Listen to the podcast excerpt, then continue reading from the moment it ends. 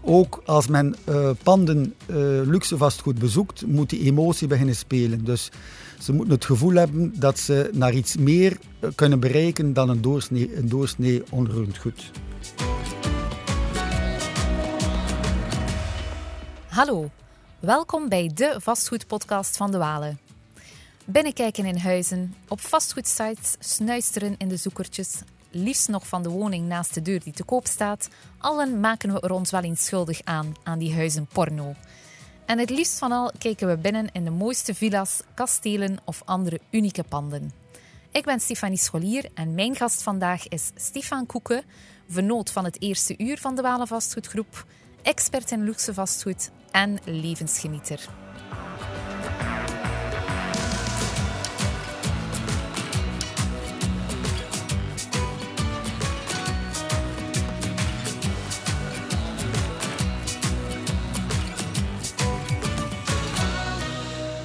Dag Stefan.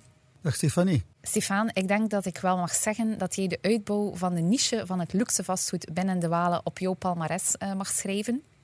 Je bent al sinds 1993 aan boord van de groep, naast Philippe de Walen, zoon van de oprichter.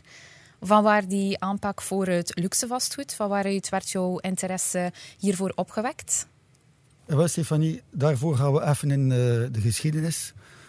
Zoals je zelf al aangaf, 1993 uh, was ook een, een, mijlpaal in mijn leven. Uh, na de studies aan legerdienst heb ik uh, mijn commerciële zou ik zeggen, talenten proberen te realiseren in de verkoop. En heb ik gesolliciteerd, vrij gesolliciteerd. En er waren er drie kantoren. En de Walen was daar één van. En de reden van de Walen is niet zo, zomaar lukraak geweest, omdat de Walen had al een naam, was, was een naambekendheid, maar vooral de naambekendheid in zijn kwaliteit van dienstverlening.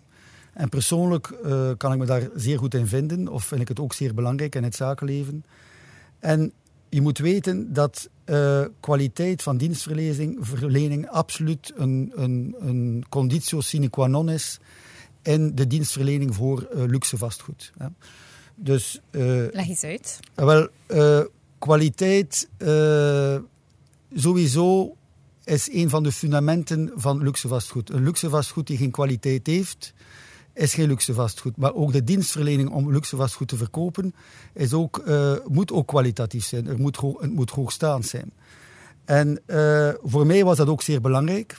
Naast het, het gewoon vastgoed, want ik heb niet, de hoofdzaak was niet onmiddellijk dat ik uh, luxe vastgoed vanaf begin ging verkopen. Maar de totaliteit van het DNA van de Walen was die kwaliteit en dat sprak mij vooral aan. Het was ook zo dat Paul de Walen, hè, uh, met het klein kantoor die toen bestond... Uh, in Brugge. In Brugge ook al luxe vastgoed verkocht. Hè. een, een keer een herenhuis en een villa. Dus er was daar een bepaalde uh, touch al vanaf begin die mij interesseerde. Ten eerste de uitstraling, de naambekendheid van, van het kantoor. En ten tweede dat hij al het een en het ander in portefeuille had uh, die mij uh, kon bekoren. Mm -hmm. Daarnaast eigenlijk, wat eigenlijk het meer het morele is, aspect betreft, is ook mijn interesse... eigenlijk ben ik een, een estheet. Hè? zeker wat de architectuur en binnenarchitectuur of inrichting betreft. Als ik rondrij uh, in stad, uh, heb ik ogen tekort. Ook in een landschap, in een prachtig landschap, uh, kijk ik naar waar dat de mooie gebouwen staan. Mijn echtgenote verwijt mij altijd dat ik ga accidenten veroorzaken, omdat ik gewoonweg geen tijd heb om op de baan te letten. Dus uh, mijn interesse in, in schoonheid. En vooral... Gelukkig bestaan er al uh, zelfrijdende auto's. Ja, wel, dat is de, ik zal de eerste koper zijn. uh, maar die interesse is niet alleen wat het klassieke betreft, omdat natuurlijk, in, de, in stad veel historische gebouwen bestaan, maar ik heb ook voeling met moderne architectuur. En dat is natuurlijk een, een positief talent die je goed kan gebruiken bij klanten, zowel verkopers als kopers van luxe vastgoed, omdat je dan ook meer de kwaliteit of ook het, het, het DNA van, het, van de woning beter begrijpt. En de mensen hebben dat graag. Hè. En zo kreeg je dan je, je naamsbekendheid binnen de regio van Brugge. Ah, absoluut. Uh, het, het, het, verkopen van luxe vastgoed is, is, is, kun je niet vergelijken met het middensegment. Uh, je, moet een beetje, je moet ellebogen hebben. En als je dat kunt, uh, kan niet zijn uitbuiten, maar gebruiken, wordt het ten vervolge geapprecieerd. Ja, dus door de mond-aan-mond reclame uh, over jouw expertise in dat luxe vastgoed werd je, heb je dan zo je netwerk opgebouwd uh, van klanten. Absoluut, absoluut. En natuurlijk ehm, moet je weten dat mijn maturiteit van het begin niet aanwezig was. Hè. Dus dat is, uh, dat is natuurlijk stap per stap gegaan. Je moet een bepaalde interesse en morele ingesteldheid hebben. Uh, maar natuurlijk, in de jaren, we zijn nu al een kleine 30 jaar verder, is die maturiteit, kan ik wel zeggen, met mijn 54 jaar toch wel verhoogd. Hè? En dat kan, die maturiteit wordt absoluut ook geapprecieerd in, in die wereld. Hè? Uh, je moet heel belangrijk een, een perfecte relatie hebben met de klant in luxe vastgoed. De, de, de, de klant eist veel meer dan een gewone klant. Maar waarom precies? Want dat, dat is mij nog niet helemaal duidelijk omdat uh, er zijn verschillende zaken. Meer dus ten eerste op technisch, fiscaal, financieel vlak verwacht de klant ook meer. Hè. Ten eerste een gebouw die ingewikkelder in elkaar zit uh, qua technieken, uh, de materialen van het pand en dergelijke. Dus je moet al op de hoogte zijn daarvan. Daarnaast financieel, fiscaal. Het is zo, veel gebouwen zitten soms in uh, vennootschappen. Dus moet je al vennootschapsrechtelijk een beetje onder, onderlegd zijn. Ten tweede, uh, de, de erfeniskwesties in dergelijke zaken. Dus uh, erfenisrechtelijk wordt ook ter sprake gebracht. Ook die intakegesprekken zijn ook veel langer. dat is niet, je kunt dat niet vergelijken met een doorsnee woning van 200 tot 400.000 of 500.000. Dat kan soms een paar uur duren. Naast dat technische is er ook een ander aspect die uh, belangrijk is in het luxe vastgoed en dat is het psychologische aspect. Dus je moet naast de interesse in architectuur, maar ook de mensen achter die architectuur, achter die woning, perfect kunnen aanvoelen. Ja. Wat zijn de noden van die mensen? Speelt daarop in? Gaat daarin mee? Die mensen bijvoorbeeld van een villa die daar 30, 40 jaar hebben gewoond, waarom gaan die weg? Dat is emotioneel. Ja, zo'n gesprek of zoiets kan ook al een uur duren om met die mensen mee te gaan. Hè. En want, is... want, in tegenstelling tot wat we misschien zouden denken, dat geld uh, heel belangrijk is voor uh, dat cliënteel, is dat misschien op dat moment veel minder. Of, of toch niet evenveel als voor iemand die zijn gewone woning verkoopt. Het financiële is een middel. Hè om die woningen aan te kopen. Dat is automatisch zo. Maar de, de, het is zeer belangrijk dat je de mens achter je klant leert kennen en appreciëren. En dat je ook daardoor het volledige vertrouwen krijgt. We spreken over grote bedragen die worden betaald. En dat is ook normaal. Dat kunt dat vergelijken met de private banking. Die mensen geven op een heel andere manier advies dan een gewone doorsnee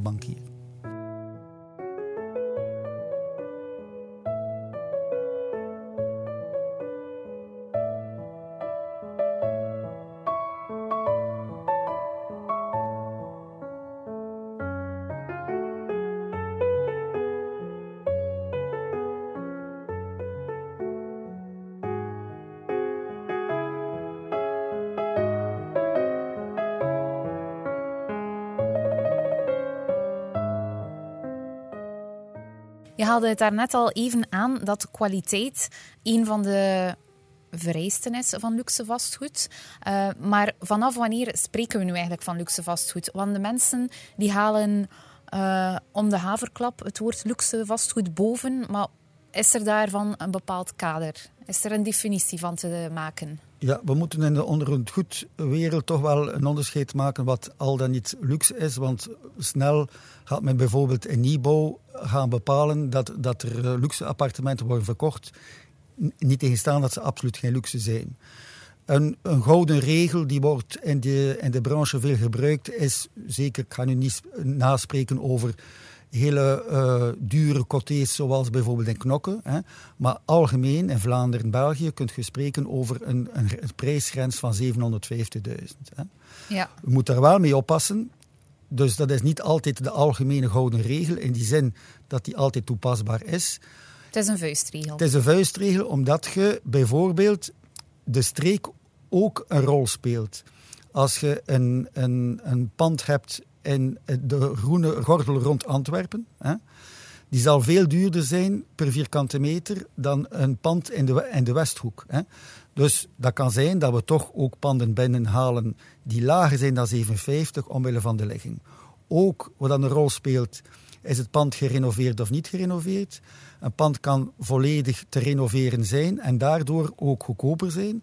Maar de totale investering die de koper aan dat pand zal besteden, zal veel meer hoger zijn dan 57.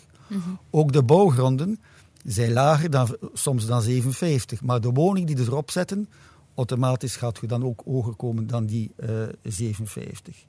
Naast de prijs is er ook een belangrijk, zijn er belangrijke kenmerken die toch ook even uh, die bepalend zijn, is de uitstraling. Dat ietske meer.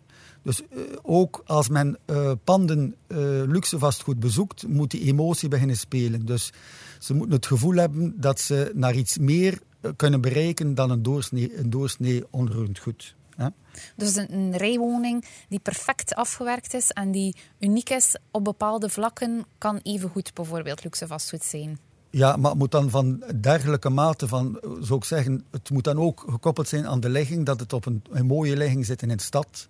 Een, een doorsnee ligging en een doorsnee provinciestad, dat zal dat niet zijn. Maar als je in Brugge een mooie kleine woning hebt die tip-top in orde is en luxueus ingericht, kan die ook tot luxe vastgoed behoren.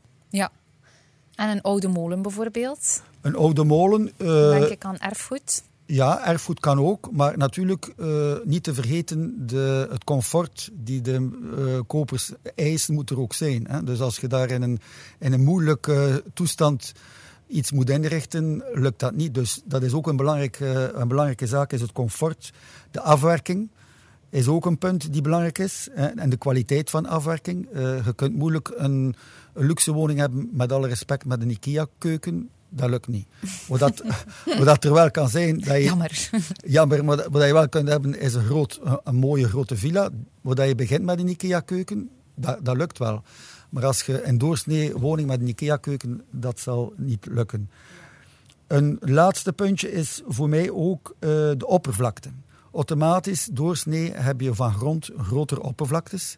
Snel minimum boven de 1000 vierkante meter voor villagrond. Hè.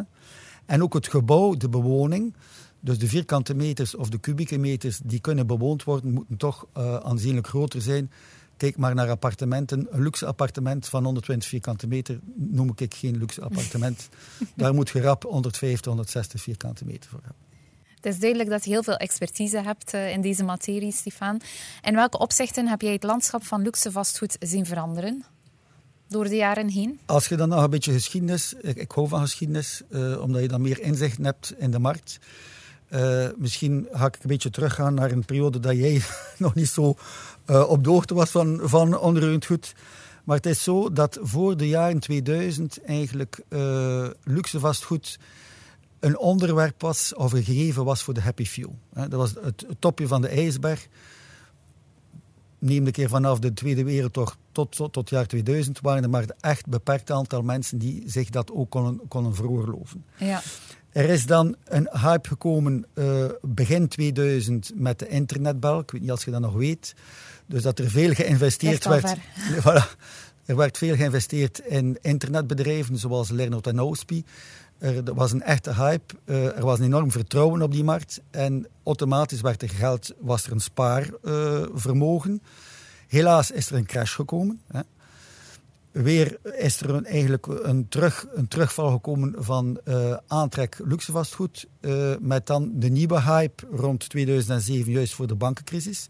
Een enorm vertrouwen. Daar is er ook met het onroerend goed een, een crisis gekomen en is eigenlijk de situatie zo geëvolueerd dat men eigenlijk tien jaar heeft nodig gehad, tussen 2007 en 2017, om dat vertrouwen in het luxe vastgoed weer op te bouwen. Want men kreeg ook geen middelen meer van de bank. Hè. Het, is mhm. niet, het is niet omdat je een vermogen hebt om een onroerend goed te kopen in luxe vastgoed, dat je niet leent. Dus de meeste vermogende mensen die kopen, hebben natuurlijk een vermogen en kunnen waarborg bieden, maar voor fiscale redenen lenen die was toen geen vertrouwen meer in de bank. Dus het mhm. luxe vastgoed zat ook, uh, lag plat. Hè. Dat is uh, terug weer opgebouwd naar 2017, waar dat er toch een enorme vooruitgang en een verhoging van de, van de verkoop werd vastgesteld. En dan komen we gaan eigenlijk van crisis naar crisis. Komen met onze lockdown en de corona.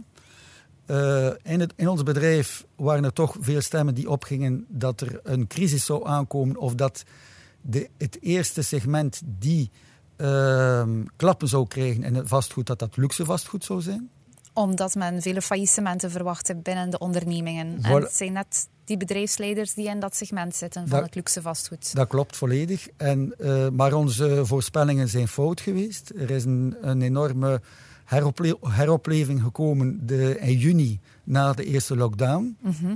Eh, met de reden dat, en wat is de reden daar al vooral van geweest, dat eigenlijk het spaarvermogen nogal enorm groot was. Dus eh, ten eerste in die lockdown hebben we ons geld niet opgedaan, het gaat daar mhm. niet over. Maar het geld die er was, of het vermogen, die, het spaarvermogen die er was uh, voor de lockdown, was er nog absoluut na de lockdown.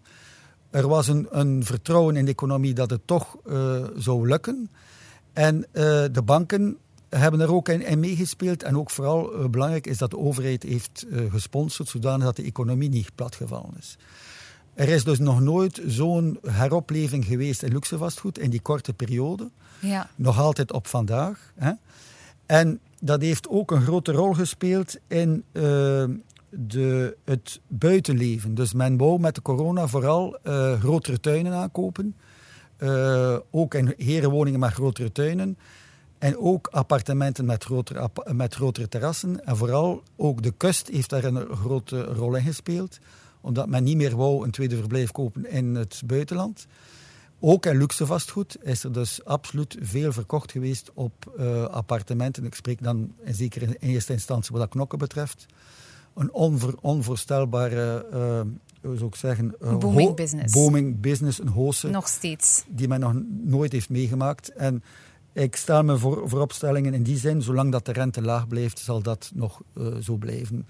Ja, en zolang de economie het zo goed blijft doen. Ja, en zolang... Waarom? Ja, je moet ook weten, de, men krijgt negatieve rente op, op een spaarboek. Dus er is een absolute... Uh, de Vlaming of de Belg had al een baksteen in de maag. Maar dat is nog verdubbeld door het feit dat... Wat moet je met je, met je cash gaan doen? Uh, je kunt beter in baksteen steken in plaats van negatieve rente te ontvangen. Ja, dat speelt dan uh, voornamelijk bij de ondernemingen. Ja.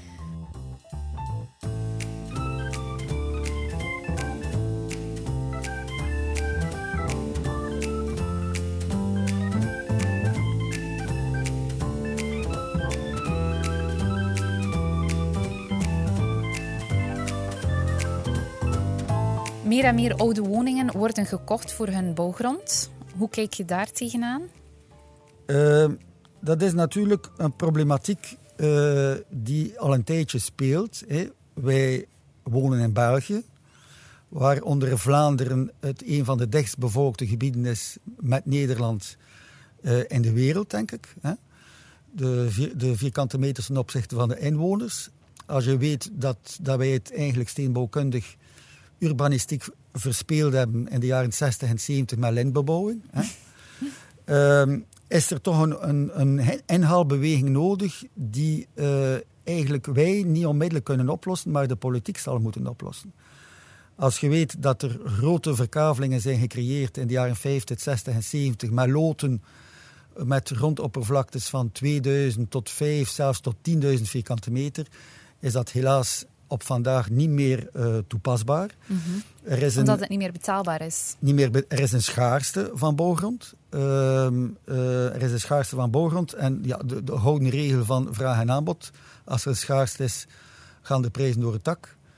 En eh, de politiek, dat is al aan het gebeuren, maar dat zou nog moeten uitgebreid worden. Moeten een juridisch kader kunnen creëren om die verkavelingsvoorwaarden die gecreëerd zijn vroeger om te vormen tot kleinere loten. Dus dat je eigenlijk bijvoorbeeld zelfs villa's afbreekt op gronden van 5000 vierkante meter en dat je er loten maakt van 1000 tot 1500. Ja, dat is een duidelijke boodschap aan de politiek, Stefan. En ik hoop dat er eh, politici zullen luisteren.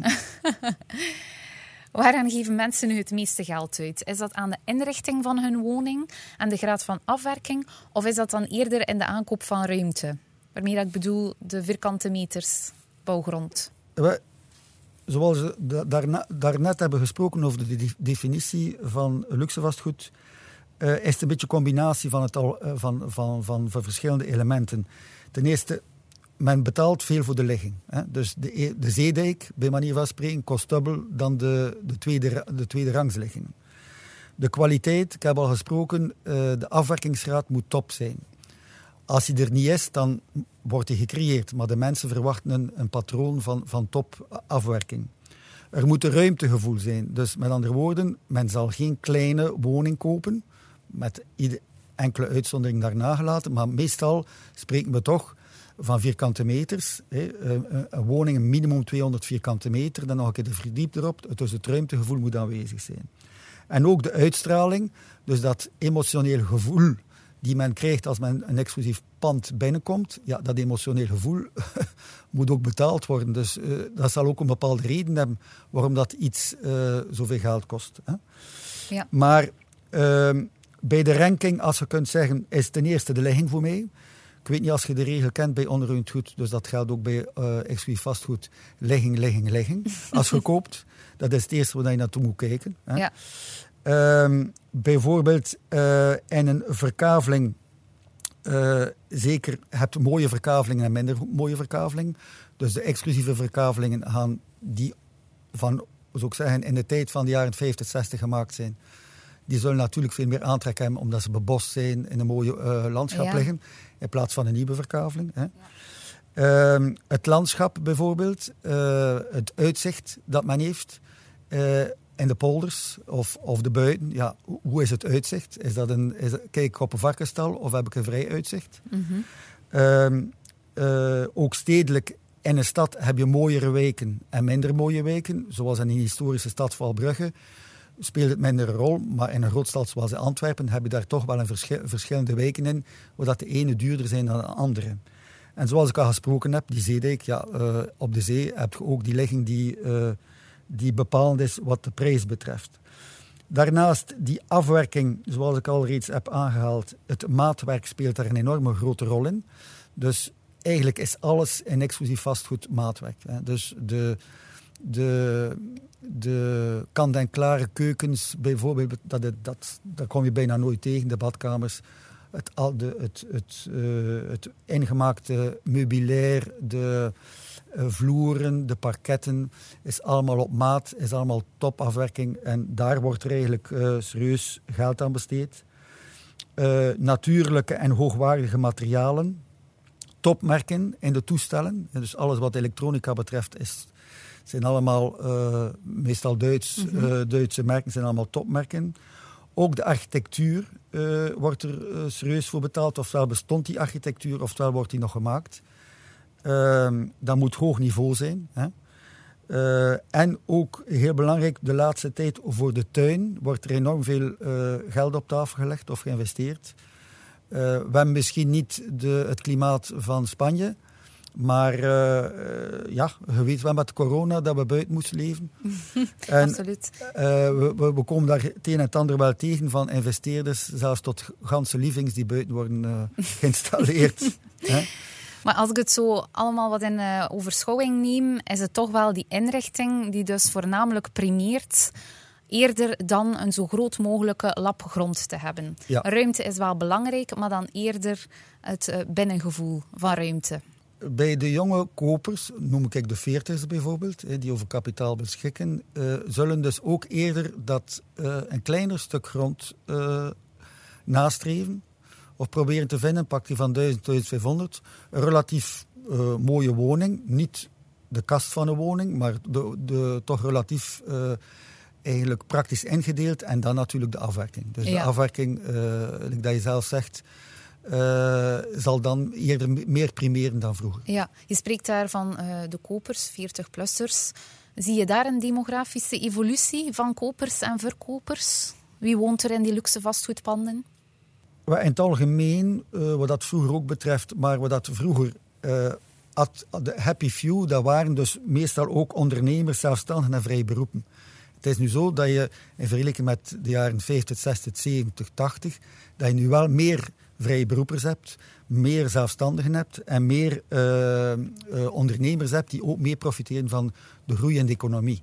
En misschien ook meer profiteren van de gelden, de kapitalen die hun voorouders opgebouwd hebben in uh, de boomingjaren 60, 70? Wel, je hebt eigenlijk twee categorieën. Je hebt de categorieën die zelf een carrière nu gemaakt hebben, die de kans gehad hebben van gestudeerd te hebben en uh, uh, die dan een carrière uitbouwen op gelijkwaardig vlak. En die zelf voor hun eigen zorgen. Dus die, die mensen zijn er zeker bij gekomen. Hè. Het is ook een beetje zo dat de middenklasse, uh, dat er mensen uit de middenklasse zijn opgeschoven naar het, het hoogsegment. Daarnaast blijven natuurlijk wel uh, kapitalen hebben die uh, van de jaren 50 zijn opgebouwd.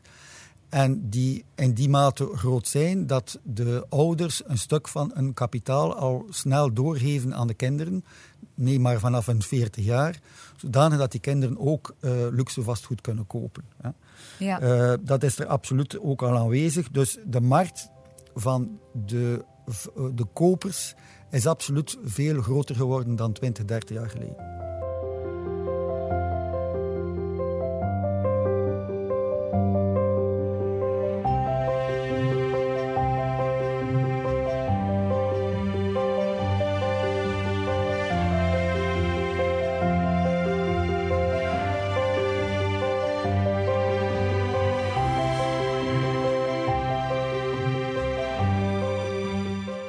Is zo het mooiste pand dat je zelf al in portefeuille hebt gehad?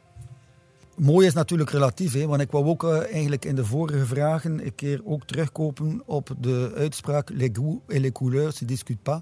Mm -hmm. Dus uh, ja, ook de pannen dat ik betreed, vind ik persoonlijk niet allemaal mooi. Mm -hmm. Maar wat, wat, wat, is mijn smaak? Dat is, dat is zeer relatief. Hè? Absoluut. Dus gelukkig dat er veel smaken zijn of het zo rap gedaan zijn. Ja.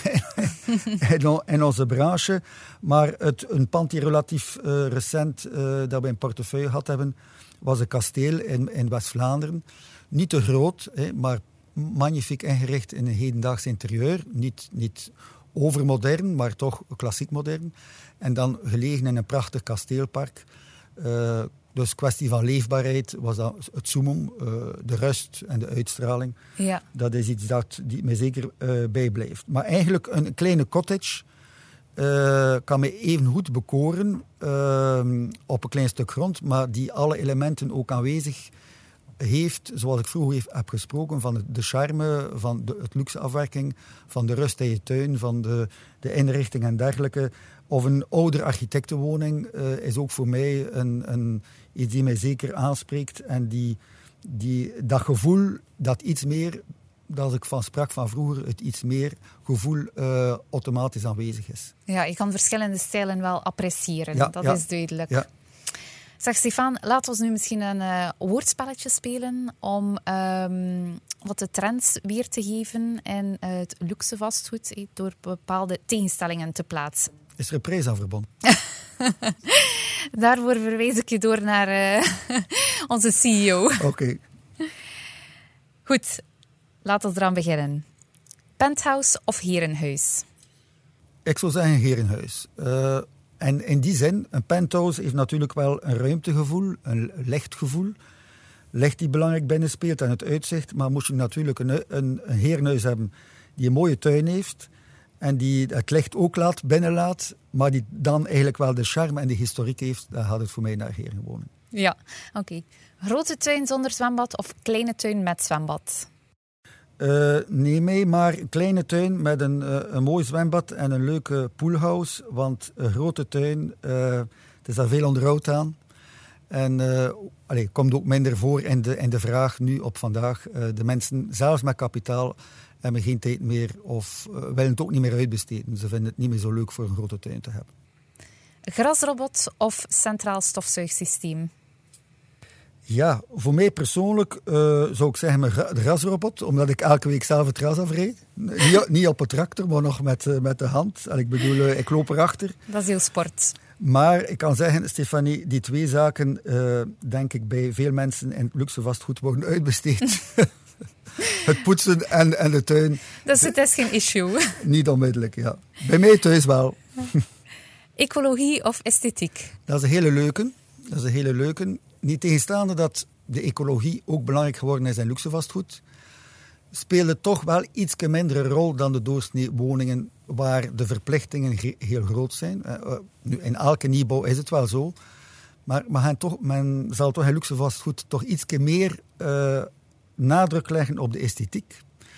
In bepaalde panden heb je soms een keer een, glasraam die enkel glas is. En waar de architect absoluut wil dat dat zo is, historisch. Ja. Ook historische panden is het ook niet altijd zo. Dus ik ga niet zeggen dat de luxe uh, goederen niet meer of uh, luxe panden niet meer uh, geïsoleerd worden of dergelijke. Maar de uitstraling van dat pand gaat toch de regels soms wat gaan veranderen. Ja. Dus de esthetiek is ook voor mij persoonlijk toch iets belangrijker dan de ecologie. Ja. Maatwerk of standaard? Maatwerk, ja. Standaard kun je niet... Dat is de IKEA-keuken. IKEA of een andere. Ik ga, ik ga behouden bij IKEA. maar uh, uh, maatwerk is de absolute top. Allee, is de absolute voorwaarde in, in luxe vastgoed. Eén aannemer of meerdere aannemers?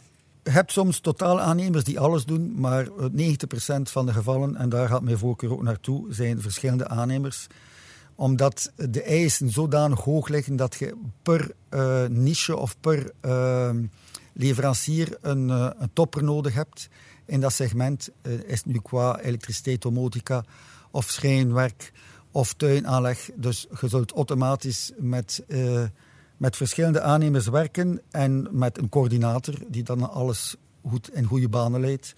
Is ook absoluut nodig. Je kunt dat zelf niet. Dat is een een, een absolute noodzaak, die iemand die alles organiseert. Ja. Oké, dan zijn we bijna aan het einde van de podcast toegekomen. Maar heb je nog misschien één ultieme tip voor onze vastgoedklanten die op zoek zijn naar hun luxe pand? Laat uw eerste gevoel spreken. Als je iets koopt, hè, uh, niet te veel redeneren natuurlijk. De mensen die dergelijke woningen kopen, hebben de luxe om een bepaald, met een, bepaald vermogen te kunnen, of over een bepaald vermogen te kunnen beschikken. Maar uh, niet te veel denken dat je iets koopt. Uh, en het is zelfs zo dat mijn ervaring het zegt, als, de vrouw, als de emotie bij de vrouw niet klopt, dan mag de man het vergeten. dus mannen, jullie zijn gewaarschuwd. Ja. Dankjewel, Stefan. Tot hoort. Dit was de vastgoedpodcast van de Walen. Krijg je niet genoeg van ons vastgoedadvies? Abonneer je dan zeker op ons kanaal en beluister al onze podcasts of neem een kijkje op dewalen.com. Tot de volgende vastgoedbabbel.